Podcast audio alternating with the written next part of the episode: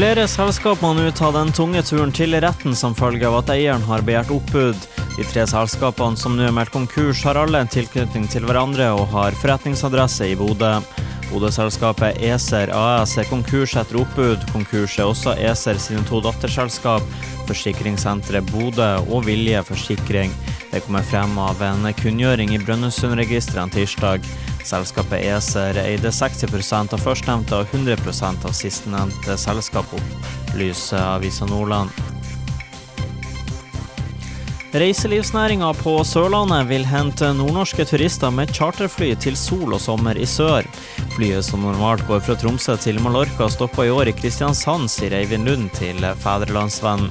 Han er initiativtaker til prosjektet Syden 2020, der Sørlandet skal selges inn som reisemål når nordmenn ikke kan dra til utlandet. Lund er medeier i event- og turoperatør samt i flere lokale hoteller. Kristiansand kommune og Visit Sørlandet er også entusiastisk rundt prosjektet, der det jobbes med å tilby pakker med all inclusive i juli.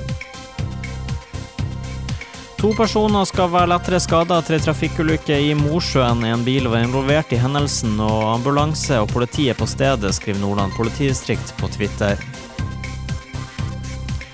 Og politiet målte en ung bilfører på E6 over Fauskemyra mandag med 113 km i timen i 80-sona, så må bilføreren ut med 10 200 kroner i bot.